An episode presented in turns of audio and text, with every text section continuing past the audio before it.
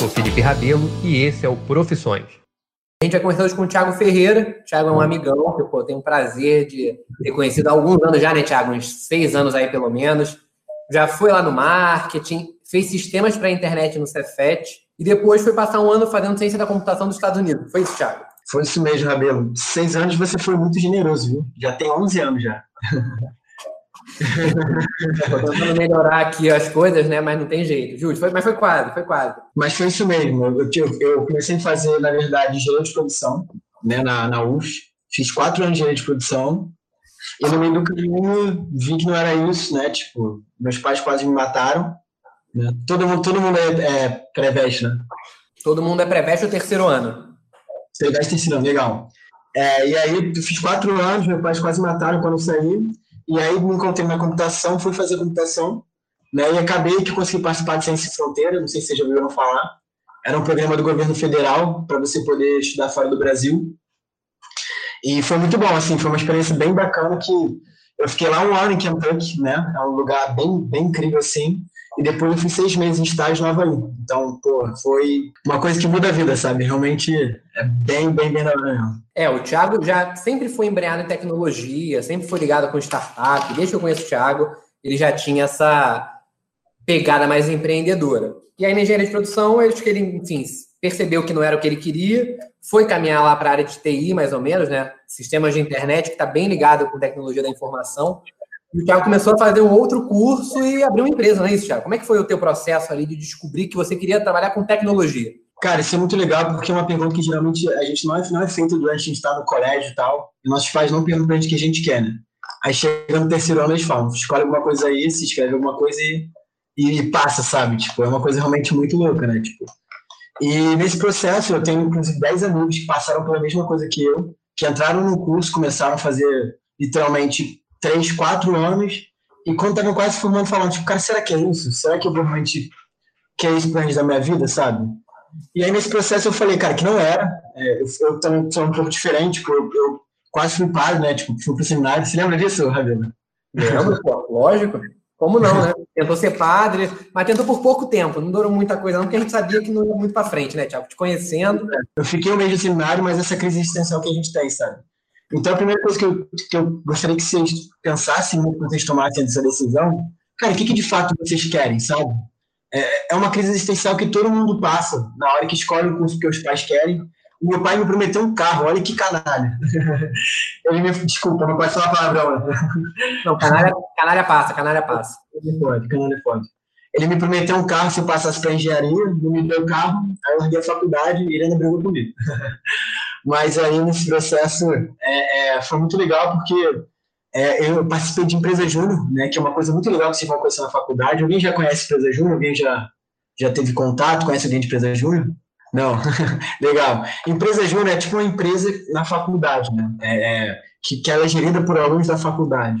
Então ela faz muito você aprender como funciona uma empresa, você liderar, é totalmente gerido por alunos, então você aprende muito, você tem muita liberdade. E nesse processo eu tive literalmente a, a, a oportunidade de, de conhecer, começar a conhecer mais sobre, sobre tudo, sabe? E aí acabou que, enfim, eu pensei, vi que não era isso, né? Mas na hora que você, galera, encontra uma coisa que você gosta, sabe? A coisa anda e acontece sozinho, de verdade. Pensa no que vocês gostam, no que vocês acreditam, porque é muito mais sobre vocês, sabe? Sobre o que vocês já fazem hoje em dia.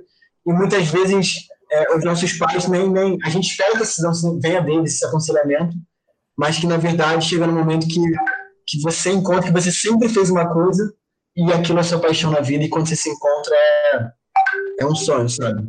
É, é libertador, né, Thiago? É libertador você se encontrar naquilo que você quer fazer. É, é muito bom, assim, eu, é, é, eu, literalmente, depois que eu larguei o de produção, você faz quatro anos de faculdade, né, e você fala, puta, será que agora eu vou, eu vou realmente por esse caminho vai dar certo? Você fica super inseguro.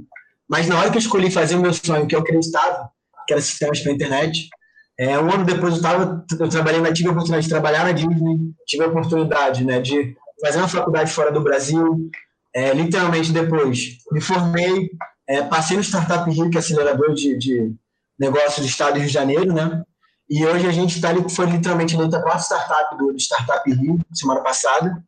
É, então, quando você encontra o que você quer e você acredita em você, as coisas andam, sabe? Vale muito a pena mesmo. A gente vai falar um pouco dessa tua carreira mais empreendedora adiante, mas eu queria voltar numa parada que você falou que eu não sei se você já tiveram algum contato com alguém que pensou em ser padre na vida, padre, freira, enfim, seguir vida religiosa, que também é uma carreira, né?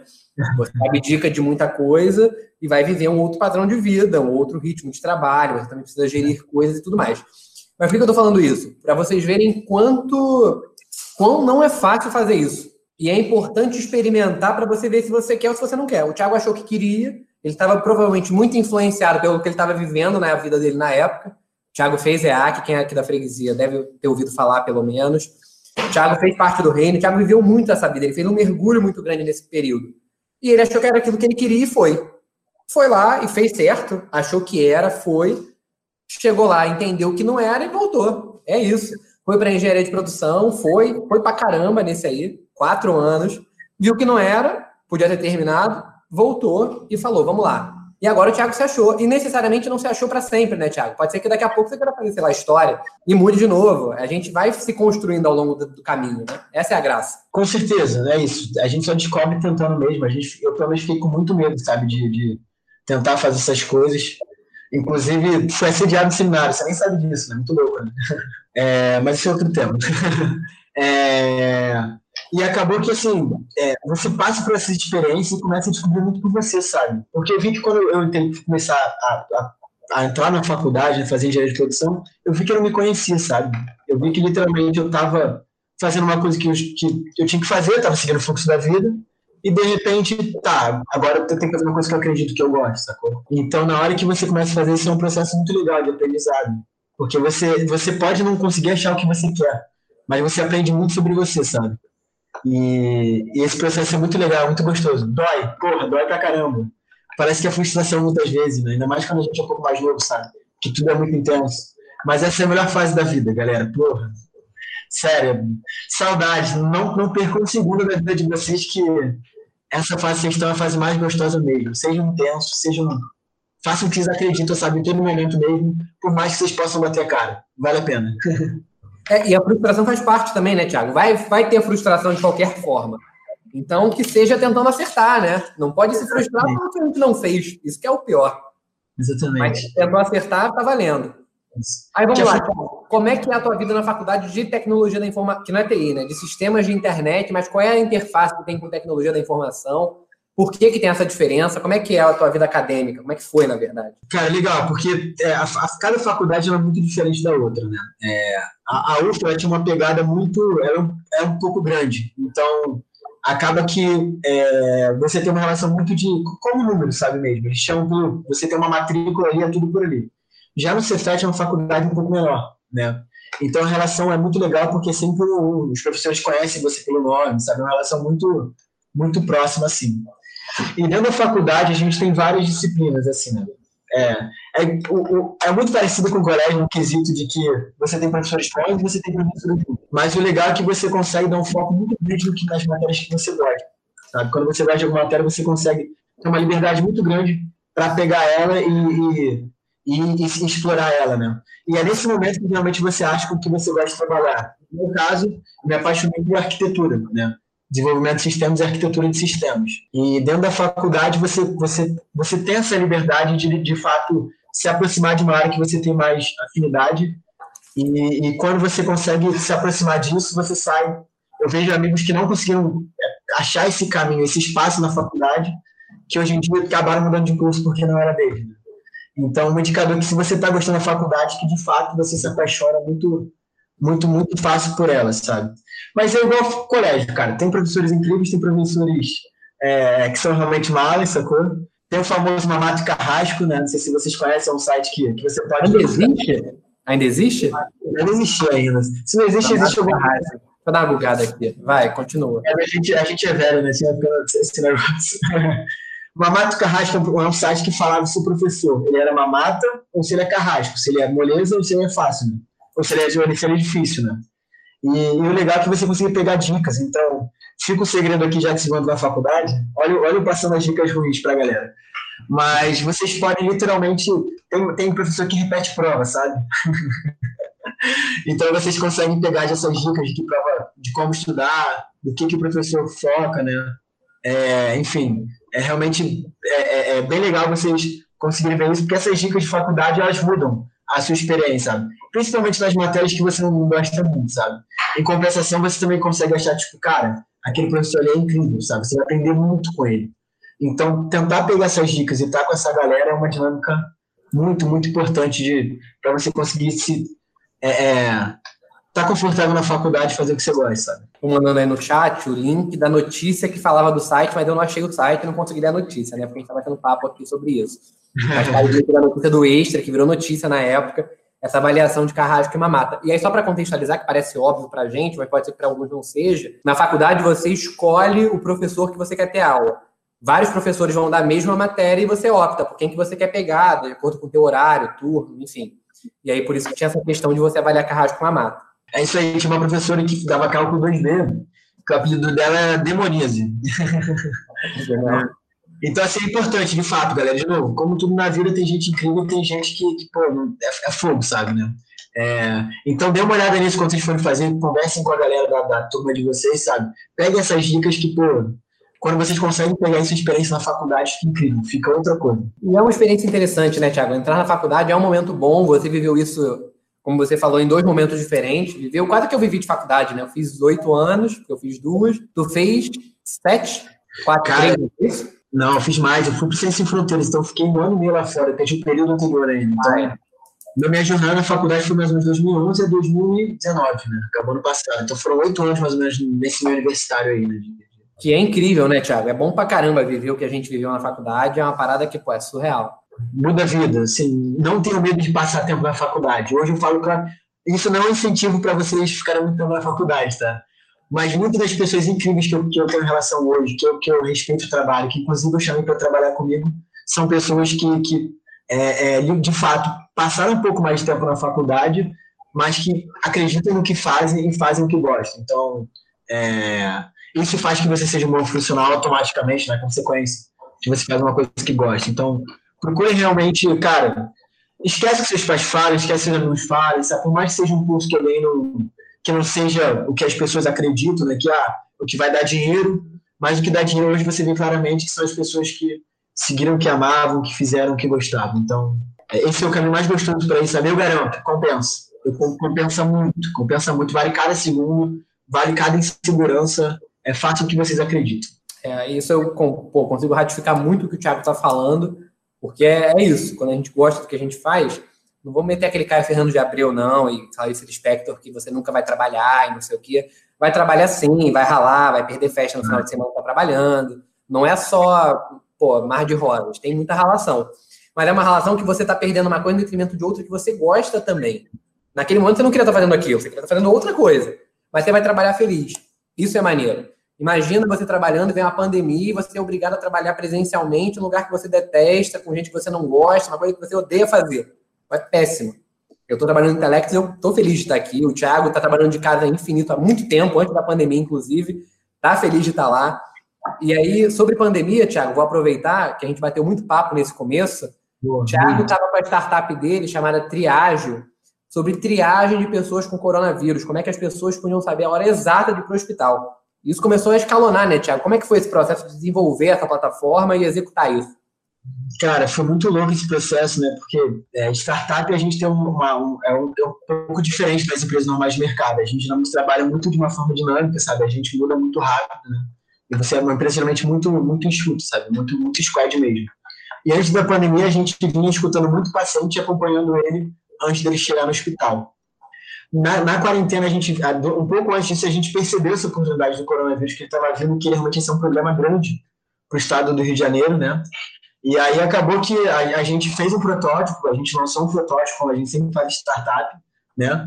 E chegou na mesa da subsecretária de inovação e, e a gente tinha uma reunião na segunda-feira com ela, né? A gente mandou para ela um pouco antes, ela cancelou todas as reuniões, né? Na quinta-feira, antes dessa segunda, ela falou para a gente lá, e aí a gente já estava na sala da, do, do, próprio secretário de inovação na, na própria quinta-feira, sentamos com eles e desse dia em diante a gente já estava dando Startup Rio 24 horas por dia, literalmente desenvolvendo uma solução para o estado do Rio de Janeiro. Né? A gente sentou com, com, com, o secretário de saúde, né? que hoje vocês veem que está tudo acontecendo, está uma, realmente uma corrupção muito grande, sabe, que, que aconteceu, né?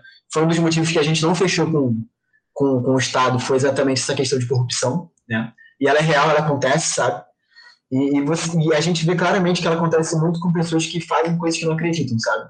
O cara tá ali para ganhar dinheiro, sendo que ninguém dorme com dinheiro, ninguém pega, faz festa com dinheiro. Você literalmente pega e gasta, né? Então tem várias formas de você conseguir ter uma vida boa sem focar no dinheiro, sabe? Sem, dinheiro é consequência, né? E essa galera é isso, tá todo mundo na cadeia.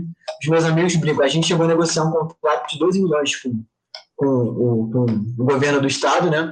E os meus amigos sempre brigam, tá vendo, Thiago? Você perdeu uma. Você perdeu 12 milhões e uma foto no jornal, que era pra estar sendo preso hoje aí com, com essa galera toda, né? Então, de novo, propósito, propósito, propósito. Façam o que vocês acreditam. E 12 milhões para voltar quanto para o governo, né, Tiago? Porque é isso, a corrupção ela acontece de forma muito velada. Em que isso. todo mundo está de acordo e você, o cara vai te pagar os 12 milhões, mas você tem que devolver aquilo de outra forma, né? Então, assim. É isso aí. Não, não vai entrar muito. Não vê nosso... Os moleques têm 24, 25 anos, sei lá, quase 30 no máximo. E os caras estão sendo aliciados para isso, porque onde a galera vê chance de ganhar, quer ganhar. É isso aí, exatamente. Né? Com a gente aconteceu isso e aconteceu isso no, em três semanas, sim, diferentes, fontes diferentes vieram conversar sobre isso. E a gente falou: se é para esse tipo de coisa, a gente está fora, a gente vai fechar, vai lançar independente. A gente acabou que lançou independente a ferramenta, né? E nesse período a gente já sentou com to todas as grandes empresas. Hoje a gente está fazendo um contrato para o Senac, para o Senai, né? A gente tem um contrato com a Unimed também, a gente tem um contrato com a Prefeitura de Guarapuava, que é uma cidade lá do sul, e com o SESI também, né? Mas com o outro. Enfim, assim, as coisas aconteceram muito rápido mesmo, como você disse, tudo escalou muito rápido, porque é isso. É, quando você tem um propósito claro, quando você faz o que você. Nem um propósito, quando você acredita em você, você faz o que você gosta, sabe? As coisas acontecem, de verdade. É, é, é parece demagogia, parece aquele papinho de, de de professor, mas eu sei que você também, Ramiro, é isso, é apaixonado pelo que você faz e você já tem várias oportunidades incríveis na vida aí de conhecer jogadores, de fazer vários tipos de, de interação diferentes aí que, pô, eu acho que só realmente fazendo o que você gosta, se dedicando ao que você gosta, que acontece. Né? É, Thiago, eu não posso negar isso, não. Eu pô, amo o que eu faço e, cara, é, é, muito isso, né? Cada um tem um estilo de trabalho, de vida, e são coisas pequenas. Tipo, adoro bater papo com eu venho bater papo com sempre um profissional diferente toda quarta-feira, e terça-feira também para os pais do Fundo de Um, e pô, eu adoro fazer isso. É muito louco, é, pô, é, é maçante, mas é muito maneiro. Eu sempre gosto de ouvir história, contar história é sempre legal. Enfim. é, estamos bem, estamos bem. Cara, e aí eu queria que você falasse um pouco sobre o futuro da tua profissão. Assim, é, a gente viu que a pandemia, lógico, no teu caso específico, falando de saúde, você foi trabalhar muito com uma área diretamente relacionada. Mas várias empresas se modernizaram muito, né? se tecnologizaram muito. O Intellectus, por exemplo, é uma empresa que está virando digital full. A gente está conseguindo atender alunos aí, 3 mil alunos, de maneira digital, porque a gente já estava pensando nesse processo, mas a pandemia fez a gente fazer um padrão JK, né? 50 anos em 5 meses. Então a gente evoluiu muito rápido para conseguir atender, porque foi imposto. Aquilo se sobrepôs ao nosso planejamento. E quando se sobrepõe, a gente tem que fazer. Como é que você vê que isso vai mudar o mundo, né? O novo normal, como é que vai ser feito? O que você imagina? Cara, incrível. Esse é um, esse é um debate que a gente sempre acontece com a gente, né? Com, com, principalmente com empresa grande. Porque essa situação, se a gente parar para pensar um pouco, ela sempre aconteceu. A gente é muito privilegiado de morar numa capital. Mas para as pessoas que moram no interior, no Amazonas, principalmente, lá, lá para lugares que realmente você tem dificuldade de, de transporte, que é totalmente. Lá é barco, é totalmente diferente, né? É, mas você tem vários casos desse por todo o Brasil, né? Esse tipo de situação de ter dificuldade de acesso a serviço, ele sempre aconteceu, né? E só com a pandemia que as pessoas privilegiadas que tomam as decisões, os nossos deputados e tal, resolveram, viram que eles não precisavam facilitar o acesso para eles, né? E aí começaram a liberar a legislação, né? E essa mudança, ela foi incrível, ela foi incrível, né? Agora você fala de teleconsulta, por exemplo, que é o que a gente tem na saúde, é uma das coisas que a gente faz, esse atendimento à distância, mas se você pensar, a, a pessoa que mora longe, ela nunca teve acesso. Da mesma forma que uma pessoa que estuda num colégio, cara, para o interior, a, a condição ao acesso à educação é muito difícil. Deixa eu ver, eu tenho uma pergunta aqui. Tiago, eu sei que você disse que você escolheu fazer uma faculdade. Mas, tipo, no dia a dia, o que, que tu faz? Legal, legal. É, então, é, é eu sou CTO dessa startup, né, que se chama Triagem, né? O que é um CTO, Thiago? O que é um CTO? Legal, é chefe de tecnologia. Eu sou responsável por toda a tecnologia que a gente faz, né? É, hoje, a gente, literalmente, no nosso dia a dia, basicamente, a gente cuida de servidor, a gente lança novas features. Isso vai de conta exatamente ao momento que a gente estava falando né, dessa revolução que acontece e como ela é rápida. Né?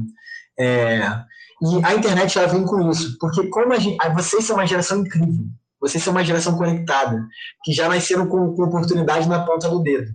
Eu costumo falar que a minha geração é a geração que pegou a internet, então a gente está conectando no mundo, a gente está aprendendo a facilitar esse processo. Mas vocês já têm isso na palma da mão. Né? E, e, a questão de vocês estarem conectados exatamente são esses features que a gente lança. O que, que são os features? São, são coisas, é, processos inovadores, porque antes você fazia manual e agora você faz digital. Então, nesse processo de inovação, você de fato você precisa literalmente é, construir novas formas de fazer. Então, vocês têm uma oportunidade muito boa na, na mão de vocês, porque a geração de cima ela não sabe o que fazer esse foi o momento da, da pandemia que a gente pegou, que a geração de cima está literalmente. Antes eles demoravam muito para escutar a gente, porque parece que a gente é novo, que a gente é, tem ideias novas, né? Até a geração de vocês. Só que como vocês sendo conectados, vocês já entendem muito de tecnologia, e a gente quer um pouquinho dessa parte, né? É, é, vocês têm uma visão muito clara do que, do que tem que ser feito e de como inovar.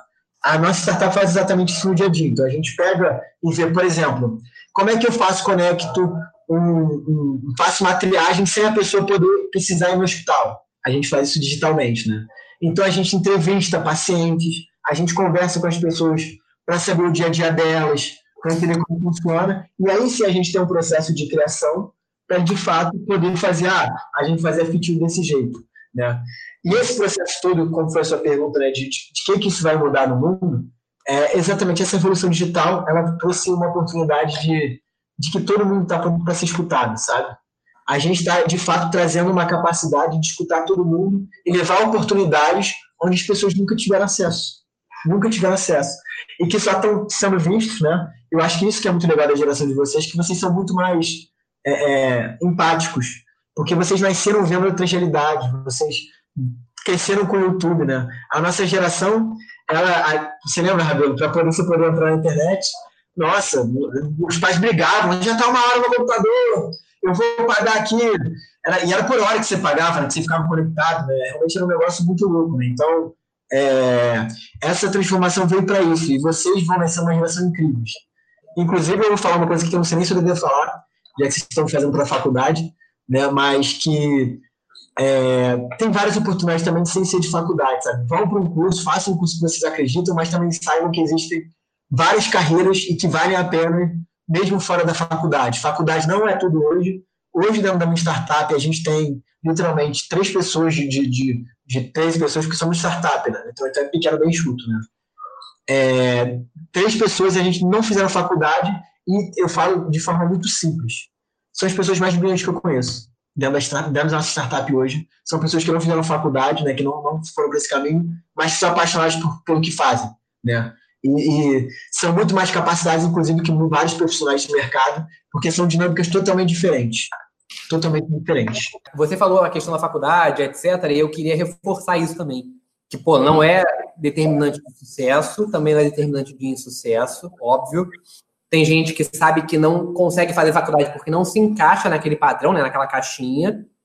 Mas cuidado para vocês não irem pelo caminho da preguiça, que é o vestibular é embolado, é difícil, não sei o quê tem que ter muito discernimento e muita maturidade para você saber que você de fato não quer fazer aquilo e que você quer ir para uma coisa sua, empreender, seguir outro caminho, porque o mercado de trabalho formal, né, com carteira assinada, empresão, etc., em geral vai querer gente que tem faculdade, não tem jeito. O Thiago optou por não fazer parte desse mercado e foi empreender na empresa dele. Então, se ele tivesse ou se ele não tivesse, como eu já trabalhei em startup também, meu chefe, um deles tinha, o outro não tinha, porque era louco, não cabia na faculdade. A faculdade não era. Ele não era na verdade, a faculdade não se encaixava nele. Porque Isso. o cara era muito mais para frente, muito. O cara era genial, mas o cara era, pô, a exceção da exceção, o autodidata, do não sei o quê. Atenção com isso. Vai, Thiago, complementa. O, o, bacana é que, assim, que a, a faculdade é muito importante, porque tem coisas que você só aprende para você poder chegar no estado de arte, algumas coisas, principalmente de temas antigos, né, que já tem uma estrutura pronta. Mercados mais envolvidos, você precisa escutar muito do que os pensadores daquele, daquela área fizeram sobre o que eles debatem, né? E geralmente os professores de faculdade estão muito nesse estado da arte. Né? Eu, eu, eu, gosto muito da palavra estado da arte, porque é, o estado da arte é você chegar literalmente no nível de pensamento que as grandes mentes daquele mercado estão pensando. Né? Grande parte das áreas do mercado que, que tem hoje, né, principalmente digital, de internet, elas estão surgindo agora.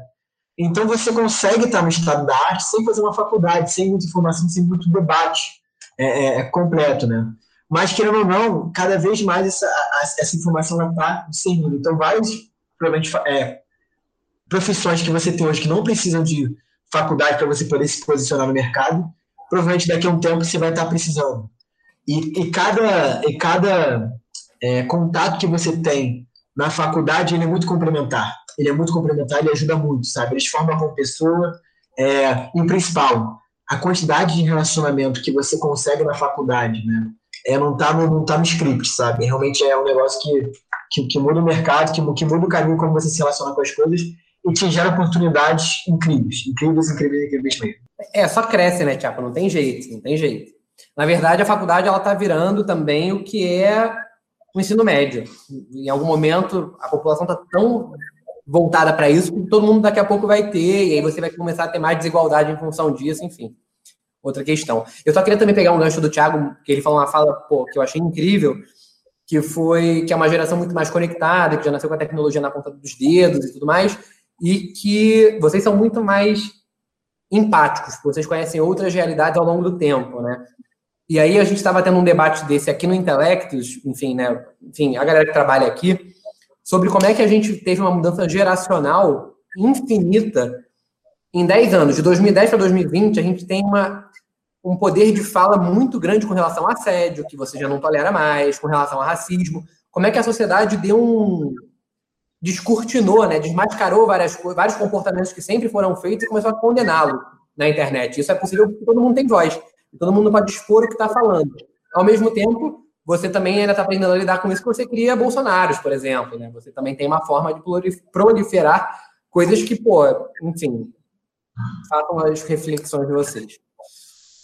Tiago, vamos lá.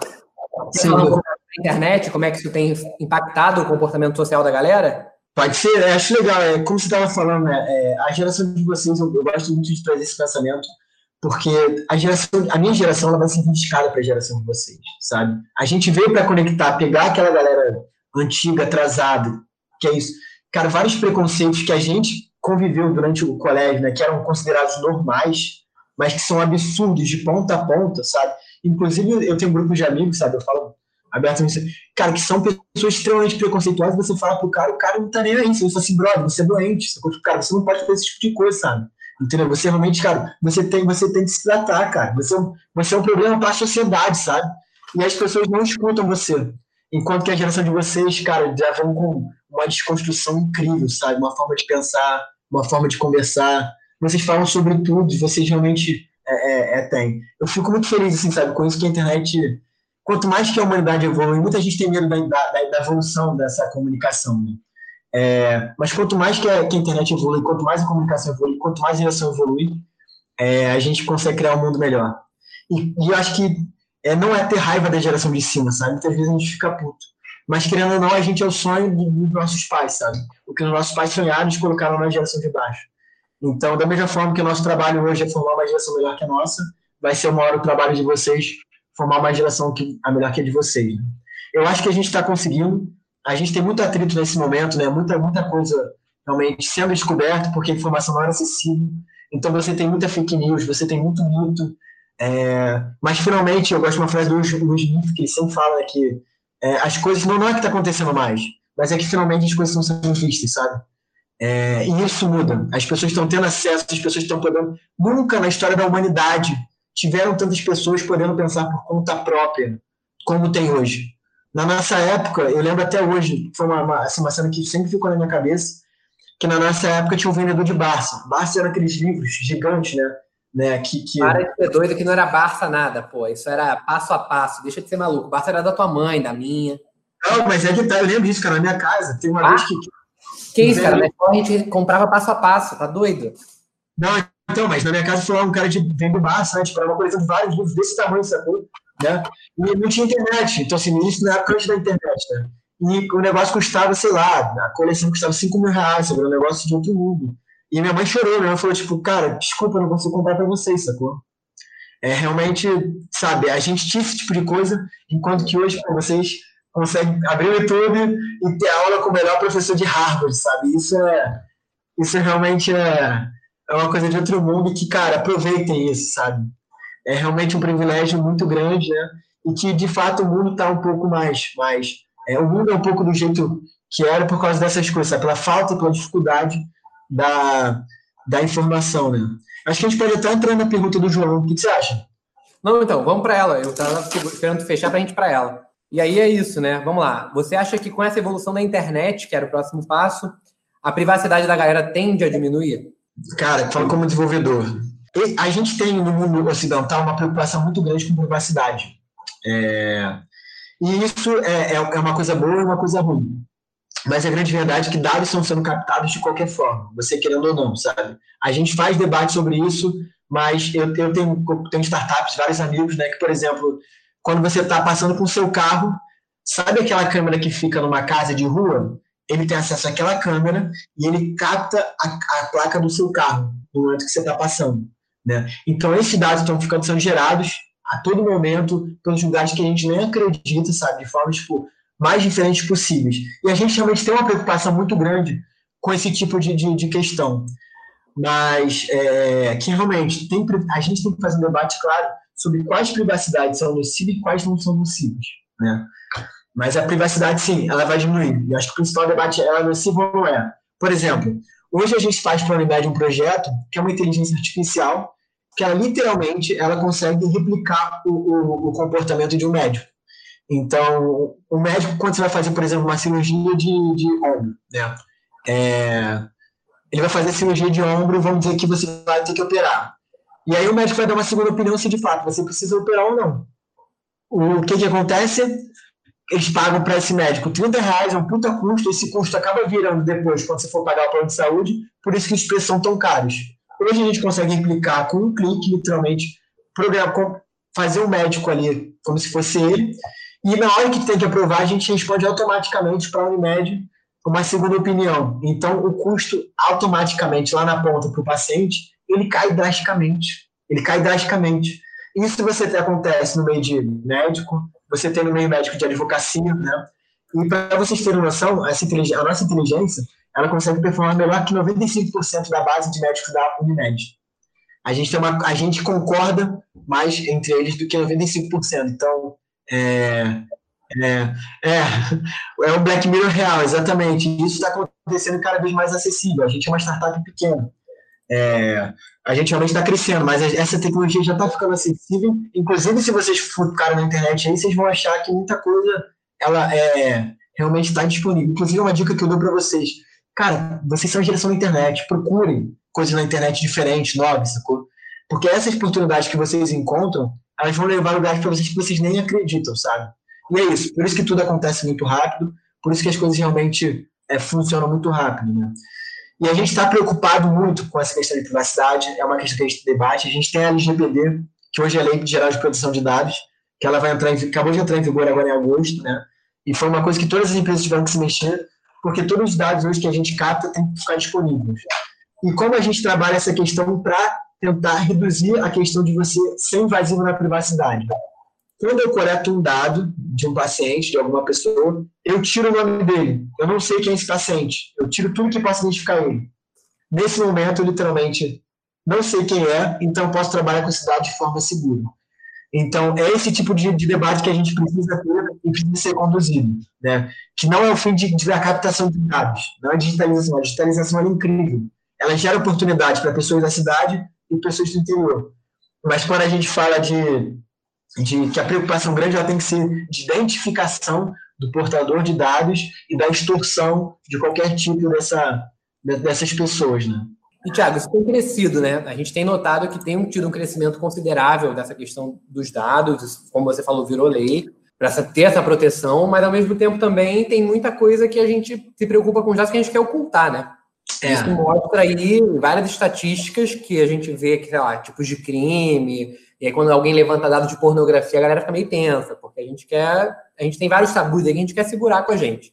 Isso. É, a internet é uma coisa muito nova. Assim, a gente, a gente parece que acha que a internet é uma coisa comum. Mas se vocês pegarem para ver, as, as, últimas eleições que de fato tiveram uma influência na internet foram essas últimas eleições agora, né? que tiveram de fato uma, uma mudança, não que foi boa, até pelo contrário, eu acho que tem muita fake news que foi propagada nesse meio aí, mas que de fato ela foi afetada pela internet, né? Então a humanidade já está aprendendo a lidar com a internet, né? Eu tenho uma experiência quando era novo, quando eu comecei a, a desenvolver, né? literalmente eu fiz um vírus na época lá, mas isso não tinha nada, não tinha assim, não tinha regulamentação nenhuma para a internet, era moleque, sabe? Eu nem sabia o que eu estava fazendo ali, né? Eu de fato só vi a besteira que eu fiz. Isso eu fiz para pegar uma conta de um amiguinho no jogo, essa coisa, uma coisa que parece inocente, né? É, para fazer o que você queria fazer? Eu tinha 14 anos, sabe? Tipo, era, era moleque, era menino, sacou? Daí fiz o um negócio ali, de novo, é, não existia internet, meus pais não sabiam mexer no computador naquela época direito, sabe? Era uma coisa que era muito. Então você faz inocência, você não sabe o que está fazendo e de repente chegou uma senha de um banco no, no, no meu e-mail. Eu falei, cara, que loucura, mano, é mesmo que eu estou fazendo, sabe, né? Então isso foi uma coisa que, cara, me mexeu muito. E, e para mim ficou claro que a gente está aprendendo a lidar com a internet. A internet é um bebezinho que ela está literalmente, ela, ela tem, tem meses, ela tem meses. Ela tornou acessível em 2012. A gente viu um crescimento de startups, principalmente no Brasil, em 2012. Foi quando a gente conseguiu literalmente ter planos de internet acessível. Isso é importante que a gente consiga perceber. Que a internet existia antes, existia antes, mas pouquíssimas pessoas tinham acesso a pagar uma plano de internet, conseguir utilizá-la no dia a dia. E no Brasil isso é novo, né? Então a gente está aprendendo a lidar com ela, a gente está começando a fazer regulamentação, né? Mas essa questão da gente ficar muito preocupado com a captação de dados, né? É isso, a gente preocupado com a identificação dos dados. Na China, por exemplo, na China todos os dados são livres. Você vê, é, a maior startup mais valiosa do mundo, que custa 2 bilhões de, de eles pegaram um investimento né, de 2 bilhões de reais, de, de, de, dólares na época, né, de, isso deve ter uns dois anos já. É, essa startup está usando literalmente dados para tudo, então eles conseguem prender bandidos assim, muito rápido, sabe? Eles conseguem identificar rápido, eles têm uma segurança, conseguem identificar padrões de crimes antes, nem antes de acontecer, mas eles já conseguem ver que identificar pessoas que possam estar causando ali só com essa capacidade de você capacitar captar dados de forma muito rápida, sabe? E aí, Thiago, eu queria só complementar o que você está falando, porque eu achei uma parada super interessante, que é o seguinte. A tua, a tua graduação foi em sistemas de internet, certo? Esse é o nome. Sistemas para internet, exatamente. Para internet. Então a gente tem uma sistematização real da sociedade, cada vez mais sistêmica, no caso. E aí, quando eu estou tentando explicar isso, para deixar bem claro o que, que é um sistema de internet, parece uma coisa muito longe, mas pô, não é. A forma como vocês acessam as notas de vocês, no, enfim, né, o boletim de vocês na escola, é por um sistema. Como o pai de vocês recebe o boleto para pagar a escola, tem um sistema. Isso são coisas mais normais. Você ter um sistema que mede pô, padrões de captura de bandido ou tipos de crime, ele cria uma estatística, ele cria um dado, uma inteligência, determinando um padrão comum. No futebol, você tinha, muito na Europa, sobretudo, N sistemas que faziam análise das jogadas, análises técnicas, para entender como é que aquele jogador se porta. Então, se ele vai. Pô, eu sempre que chuto na esquerda e o cara pula para a direita, quando for de fato bater um pênalti contra aquele cara, eu vou falar, pô, vou estar para a direita porque ele vai pular na, na esquerda. Enfim, o cara tem uma estatística, porque 90% das vezes ele faz aquele comportamento. É óbvio que, pô, no futebol isso não se aplica tão bem, porque é momento, às vezes o cara vai pular para o lado errado, vai diminuir um pouco a velocidade, enfim. O sistema ele tende a facilitar para te gerar inteligência. A partir da inteligência, vão tomar decisões baseadas num padrão comportamental, não é isso?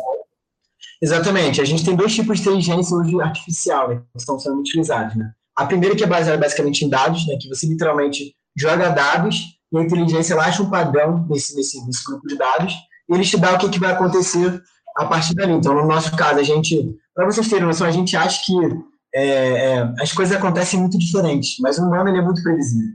O humano ele é muito previsível mesmo.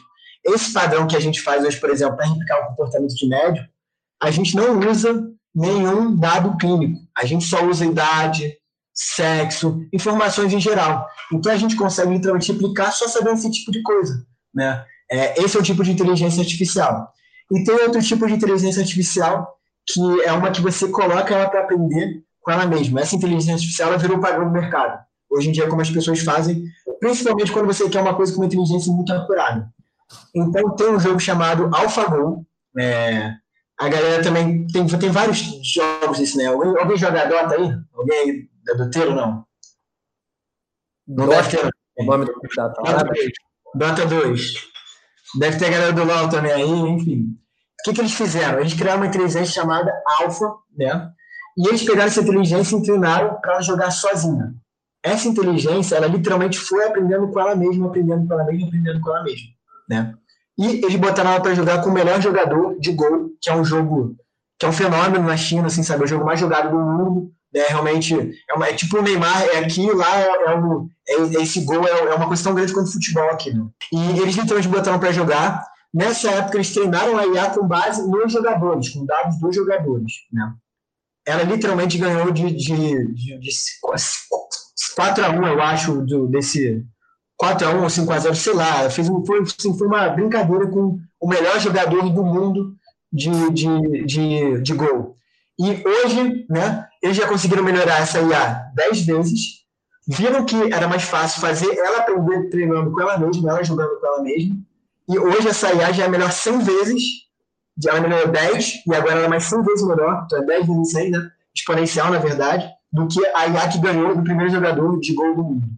É realmente uma coisa assim, muito louca, é, é o gênio compreendido nunca, nunca foi tão real essa expressão, porque é, de fato é isso. Se vocês forem buscar o documentário, eu recomendo muito, porque ela traz um pensamento novo que está vindo para esse mundo que a gente está vivendo, né? que é como a gente vai trabalhar com, com a inteligência artificial, porque ela vai ser uma revolução tão grande ou maior que a internet, ou maior que a internet. Tá? Para vocês terem noção, é, durante esse campeonato com essa, com essa inteligência, né, tem, um, tem um momento lá, se vocês procurarem AlphaGo lá no YouTube, que a IA faz uma jogada e ninguém entende, todo mundo acha que ela cometeu um erro, que ela realmente errou, né?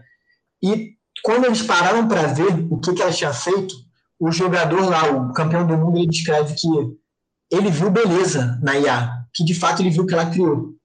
Depois dessa jogada, todos os jogadores de gol mudaram a forma de jogar, porque aprenderam uma nova forma de você se organizar, uma nova forma de você fazer, de você criar com o insight que a, que a IA deu, sabe? Então, é, a inteligência artificial vai ser uma revolução. Se eu pudesse trazer uma coisa para vocês, é, é estudem sobre isso, dêem uma olhada sobre isso. Não é uma coisa complicada, até pelo contrário, é realmente é um processo muito de você olhar para a gente, olhar para a humanidade, reparar nela e conseguir replicar comportamentos e conseguir, na verdade, você só repete tantas vezes vários tipos de possibilidades que você consegue prever quase todas de uma forma muito precisa e muito legal, né? Então hoje você tem IA criando protótipos de, de design, é, criando batidas de música, você tem IA fazendo auditoria médica. Mesmo nos Estados Unidos, eles já conseguiram fazer uma IA que consegue substituir, literalmente, performar melhor que 100% dos advogados. Como tem uma IA que já faz, que joga melhor que todos os jogadores de, de, de gol do mundo. Né?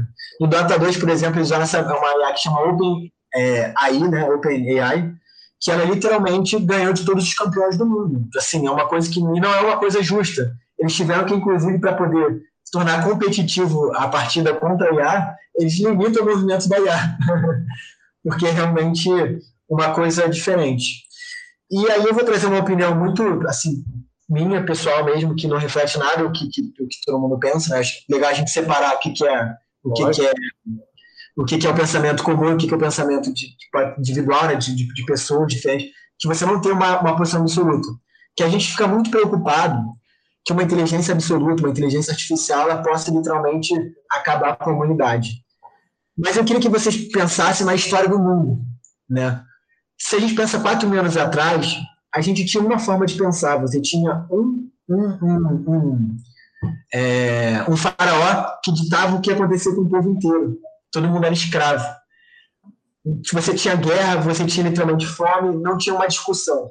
Com a evolução do tempo, você passou a ter reis, que era péssimo, mas você já tinha uma igualdade um pouco maior. Não era só um, eram 10, 20, 30. E cada vez mais que a sociedade evolui, a gente está tendo mais pessoas com mais igualdade. Né? Então a gente já tem países, se organizou em países que de fato dialogam. Você tem hoje uma ONU, a ONU tem 70 anos, talvez tenha um pouco mais, estou sempre trazendo mais ou menos um número equivalente ali, né? É, então, quanto mais a gente estuda, quanto mais inteligente a gente fica, a tendência é a gente conciliar, é a gente coabitar, é a gente literalmente fazer uma forma de, de que todo mundo possa, porque a gente sabe que esse mundo é super abundante. A gente acaba com essas desigualdades promovendo literalmente igualando a balança, sabe? Porque o problema de, do mundo, desde o início, é você ter um que tem tudo e o resto que não tem nada. Então, cada vez mais que a gente vem fazendo isso, esse processo, a gente cria a ONU para a gente poder conversar, a gente começa a ter temas. A internet é uma ferramenta, de fato, que surgiu com o objetivo da gente poder é, é, é conversar, falar sobre as coisas, conectar o mundo para que todo mundo tenha voz e para que a gente possa igualar esse pensamento. Né? Então, uma IA, ela provavelmente é, ela pode sim trazer problemas, mas que quanto mais inteligente é, mais a gente estuda, mais a gente quer coabitar, mais a gente pensa num planeta sustentável e não pensa no mundo destrutivo. Boa. E é isso, né, Tiago? Acho que o grande medo, não só da inteligência artificial, como de modo geral das inteligências que nós vemos ao longo do mundo, é a gente querer impor que ela é única e que ela é correta. Eu acho que esse é o grande, essa é a virada de chave. Se a IA é tão pica, a ponto dela entender que ela não é a única vertente possível, tá valendo, ela tá, tá no lucro. Porque toda vez que a gente quer impor alguma coisa, vai ter sempre alguém que vai discordar, porque cada um vive de uma forma, pensa de uma maneira, e a gente não tem moral para impor para ninguém o que as pessoas devem ou não fazer baseado no que a gente vive. Cada um tem uma experiência de vida diferente. Sim. Isso é muito curioso, porque eles acabaram de descobrir que um dos grandes problemas da IA é a pessoa que cria a IA, que faz o treinamento da IA. Porque Sim. geralmente ela coleta os dados super inchados de uma forma, de uma visão totalmente dela e não que reflete o pensamento do mundo. Né? Então, por exemplo, eles, eles criaram uma, uma inteligência artificial que detectava o rosto de pessoas. E o grande problema dela é que ela não conseguia detectar o rosto de pessoas negras. Então as pessoas questionaram, tipo, mas o que está acontecendo? E viram que o problema foi que o dataset, os dados que, que o pesquisador usou para treinar uma IA, foi de pessoas brancas, né? Porque ele não captava dados de pessoas negras. Então, assim, sabe, você vê que essa tendência de pensamento único ela que realmente dificulta o pensamento, que ela faz esses problemas na que gera esse problema na humanidade. Por isso que a tendência agora é você dá para IA se treinar. E para resolver esse problema, para vocês terem noção, a solução que eles deram foram pegar e gerar rostos automaticamente. Então, não é sobre pessoas brancas, pessoas negras, não. Pardas, todos os tipos de pessoas, eles começaram a comportar uma ferramenta que não, nem olhava para esses outros tipos de, de, de, de, de, de etnias. Né? Tiago, é, Marcos Dávila mandou a pergunta do seguinte: qual é o período mais difícil na faculdade de ciência da computação? Não foi bem ciência da computação, mas enfim, sistemas para a internet. Legal. Cara, o período mais difícil na faculdade de computação depende de faculdade para faculdade. Cada faculdade tem uma grade diferente, né? É, e, e, e, depende muito, né? Mas o que eu digo assim, não se preocupa com, com a questão da dificuldade na, na matéria, porque você consegue contornar isso fazendo uma grade e conciliando, ah, estou numa fase mais tranquila da minha vida, você pega uma grade mais tranquila, você está num período mais fácil, aí você consegue puxar mais matérias. Né? Teve período que eu fiz, sei lá, 12 matérias, consegui passar nas 12. Teve períodos que eu fiz, sei lá, quatro matérias para tentar conciliar isso. Então, não se preocupa com isso, sabe? A gente foca em, em, em, em viver a faculdade. Foca em estar ali no momento, foca em ser você e fazer o que você acredita. Quando você faz isso, o resto tudo acontece de uma forma muito tranquila, sabe? E, Thiago, para quem, tá, quem vai entrar na faculdade, conseguir estágio nessa área é moderadamente tranquilo, né? Porque tem o que mais tem é a empresa querendo gente boa disso. Total. Em, em computação, assim, é, o mercado está muito bom mesmo. Está muito, muito bom mesmo. Nunca teve tão bom. É, é uma área muito boa, de novo. É, eu tava, a gente trouxe um, um estagiário ano passado, né? Ele ficou com a gente seis meses. Ele estava fazendo faculdade, né? Eu estava no quinto período. A gente treinou ele, pô, o cara é incrível, sabe? Capacidade, assim, de, de é, resolver problemas muito boa. Né? Deu literalmente seis meses, a Globo veio e triplicou o salário dele. Então, ele passou a ganhar para são 4.500 numa Globo, sacou? Então, assim, sabe? É, o mercado está muito bom. Eu tenho um amigo que ele trabalha com ciência de dados, que é outra área que eu digo para vocês demais, né? Que realmente, é, eu tenho um amigo que estava ganhando 5 mil na Globo, né? E agora foi a revanche. Estava na Globo ganhando 5 mil e apareceu uma proposta logo em seguida da IBM para ele poder ganhar 10 mil e logo depois apareceu outra da, do Zoom para ele ganhar 13 mil reais. E ele se formou há dois anos, então é realmente é, é, o mercado está muito bom, é uma área muito boa, mas não pense no dinheiro, porque o que tem de gente frustrada, largando tudo que faz, é realmente é, muito grande. Então faça o que vocês acreditem, porque, de novo, qualquer, todos os meus amigos que fazem o que acreditam, que literalmente gostam, que faz, se dedicam para aquilo, cara, podem não estar ganhando o que tem, mas estão extremamente realizados estão vivendo uma vida quase de sonho, assim, né? Porque realmente gostam do que fazem e as oportunidades aparecem igual, igual água, assim, sabe? É, lógico. E aí, Tiago, eu vou te fazer uma pergunta que a Tati mandou e eu acho que vai começar a caminhar bem para esse fim, que é o seguinte, ó. Tati é a nossa menina do chat. Vamos lá. A área da computação tem muita lógica, matemática, estatística. Você já era bom nisso ou desenvolveu na faculdade esses talentos aí? Cara, isso vai totalmente de conta com o que a gente está conversando aqui. É, eu detestava matemática, eu nunca fui bom de matemática, sabe? Tipo, assim, eu era bom aluno, mas eu não, não, estudava, sabe? E quando você encontra o que você gosta, né? Tipo, você acaba que você começa a estudar. Hoje, literalmente, eu tenho a fazer, às vezes vou dar uma olhada sobre, sobre teoria de matemática, sobre realmente é, é, itens desses, porque você se envolve tanto com o que você faz, que automaticamente você vai pesquisar. Porque deixa de ser uma coisa de que você tem que aprender e passa uma coisa tipo, nossa, mas espera, isso pode me ajudar com alguma coisa, isso parece interessante. Então, automaticamente você começa a, a buscar coisas quando você encontra o que você gosta, quando você realmente se propõe, sabe? Então, o principal é, é literalmente se propõe a fazer coisas que vocês acreditam, que vocês gostam, que vocês literalmente. Pô, eu acho que seria legal na minha vida lá daqui a, a 10 anos estar fazendo isso, sabe? Eu acho que seria uma coisa que eu gostaria. É uma coisa que eu gosto hoje, eu acho que eu, se eu vivesse uma vida fazendo isso, seria legal, sabe? Esse tipo de coisa que você consegue realmente encontrar que, que dá. Então, tipo assim, não, não era um, um bom aluno, até pelo contrário, teve um período no meu segundo ano. Nossa, minhas notas despencaram assim, muito, muito, muito mesmo, né? Eu realmente fiquei, sei lá, tipo. E era um bom aluno, então assim, eu tirava seis, sacou? Tipo, a primeira uma nota muito difícil, dificílima de, de lidar, né? Mas é, é isso. É, não é sobre matemática, é sobre tudo, né? Faça o que vocês acreditem. Inclusive, eu tenho amigos, né? Uma amiga, inclusive, que ela era péssima em biologia, hoje em dia ela é bióloga, né? Nossa. É, a faculdade realmente é totalmente diferente do que vocês lidam né, na, no colégio. Então, pesquisem sobre isso, sabe? Vem que vocês têm interesse. O que, que vocês passam muito tempo do seu dia a dia olhando? Olha o seu histórico, sabe? É uma ótima forma de começar. O que, que realmente eu, eu passo no meu dia a dia que eu passo gastando muito tempo? Entre no YouTube, vê o conteúdo que você consome. Isso vai te dar várias dicas de coisas que você nem percebe, de que de fato você tem, tem uma atração, vamos dizer assim, né? E que isso pode te levar para várias possibilidades diferentes. Boa. E aí, Thiago, para fechar, eu queria que você desse uma dica para a galera que está pensando em fazer essa área de tecnologia, essa área de computação. A gente já falou, lógico, sobre amor, sobre vocação e tudo isso. Mas eu queria que você falasse para eles assim, uma dica, real. O que, que, que, eles vão encontrar na faculdade? Como é que vai ser isso? Cara, a computação é o futuro. A tecnologia é o futuro de tudo que você vê aí. É... Se você não gostar de tecnologia, assim, é importante que você menos olhe com carinho, porque tudo que gente vai fazer vai estar alinhado com tecnologia. Né? Não, não vai ter como fugir desse caminho. Mas eu garanto para vocês que o mundo está vendo que cada vez tem mais formas legais de aprender, de você lidar com isso, né? Então, por mais que você não goste da parte de código, hoje a gente já tem uma parte de programação que é totalmente visual. Então, você consegue linkar coisas, sabe? É uma, uma forma diferente de pensar.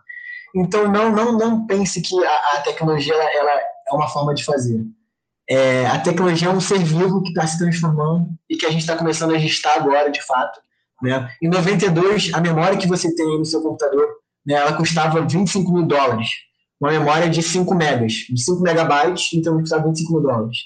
Hoje, é, a gente tem 4 GB, você consegue comprar um terabyte de 1 GB, de, de 1 tera, né? Um terabyte aí de, do seu computador por 50 reais, 100 reais. Então, é, é isso, a tecnologia vai se renovar e tudo vai estar ligado à tecnologia. Então, façam o que vocês gostam. Façam o que vocês gostam realmente. Eu não vou falar, não, não vou tentar puxar sardinha para vocês fazerem tecnologia, porque vocês vão, estar lidando com a tecnologia no caminho. Mas façam o que vocês gostam, que vocês vão se, se esbarrar de uma forma muito carinhosa e, e eu tenho certeza que esse processo é muito legal. Eu olho para trás e vejo que, que é, a gente tem muita insegurança, a gente tem muito medo dessas mudanças, né? Que a gente fica até motivado algumas vezes, mas que esse processo é incrível. E quando vocês descobrem que vocês gostam, que vocês acreditam, ele muda. E se você já quer fazer tecnologia, cara, vai com tudo, você não vai se arrepender. É, se você tem alguma insegurança, brother, vai com tudo também, se propõe a fazer. Os nossos pais não tiveram contato com essa área, é uma coisa muito nova, então muitas vezes eles podem não profundo pra gente. Mas se você já tem uma afinidade, cara, cai dentro, eu te garanto. Eu também era assim, não tinha contato, nunca vi ninguém, nunca me sugeriu fazer isso, e eu sou apaixonado pelo que eu faço hoje, e cada vez eu vejo mais gente apaixonada pelo que faz. Galera, é isso. Então, Thiago, muito obrigado. Nosso papo durou uma hora e nem parece que durou tudo isso.